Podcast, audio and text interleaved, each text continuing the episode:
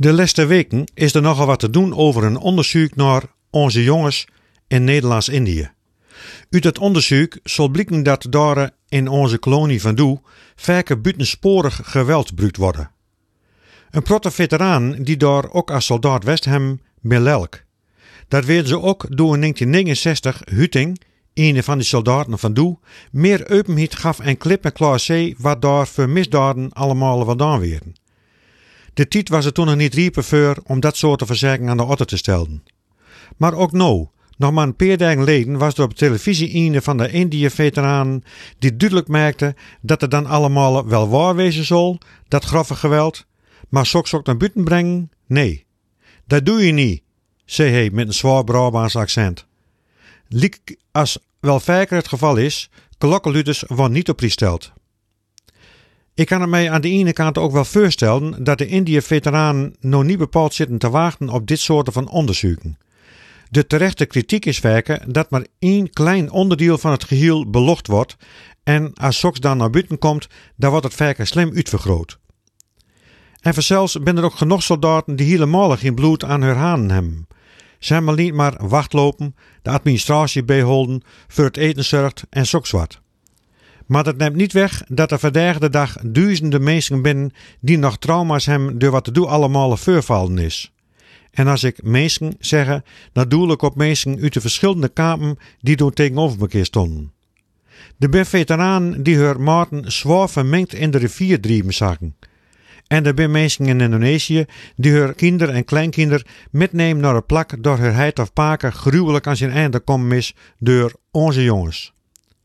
Maar, zo vroeg een van die veteranen hem in de NRC af, het was oorlog, wat hadden we dan doen moeten? Als klein jongetje had hij metmerkt dat haar huis omsingeld was. En er worden skeuten en er worden huizen in de fik steuken. Toen kwam de politie in hele actie, zei hij. Hij had als kind staan te juichen. Hij vroeg hem af of ze dan toekikken moeten hadden hoe zij ene voor ene afslaagd worden zouden. Hem was later in zijn diensttijd leerd dat, als ene tijdens een verheur aan het praten kringen wilden, dat hem dan flink zeer doen moeten. Er was hem leerd dat als met een bajonet stikken, dat er niet alleen stikken moeten, maar ook drijden. Hij zei, soldaten worden geleerd meedogenloos te zijn, en dat zijn ze dan ook. En daar slaat hij de speaker op een kop. Er wordt wel eens praat over een smerige oorlog. Maar waarom er dat smerige de voor moet, is mij een raadsel. Elke oorlog is om smerig. En ze wonden hield iets smeriger.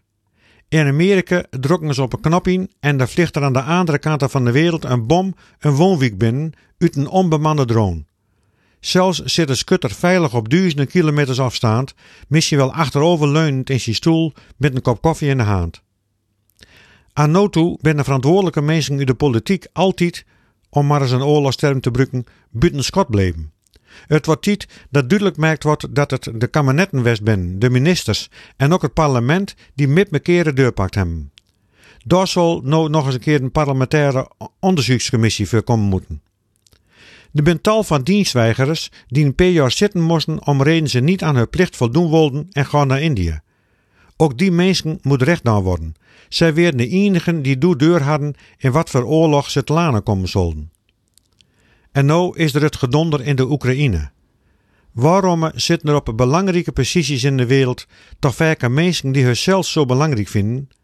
Wanneer staat er eens een van haar op die vraagt waar ze in hemelsnaam met doende binnen? Of, om het met een lied uit de liedeboek voor de karken te zingen, zal ooit een dag bestaan dat oorlog, het en strijd voor eeuwig ben vergaan uit deze wereldtijd?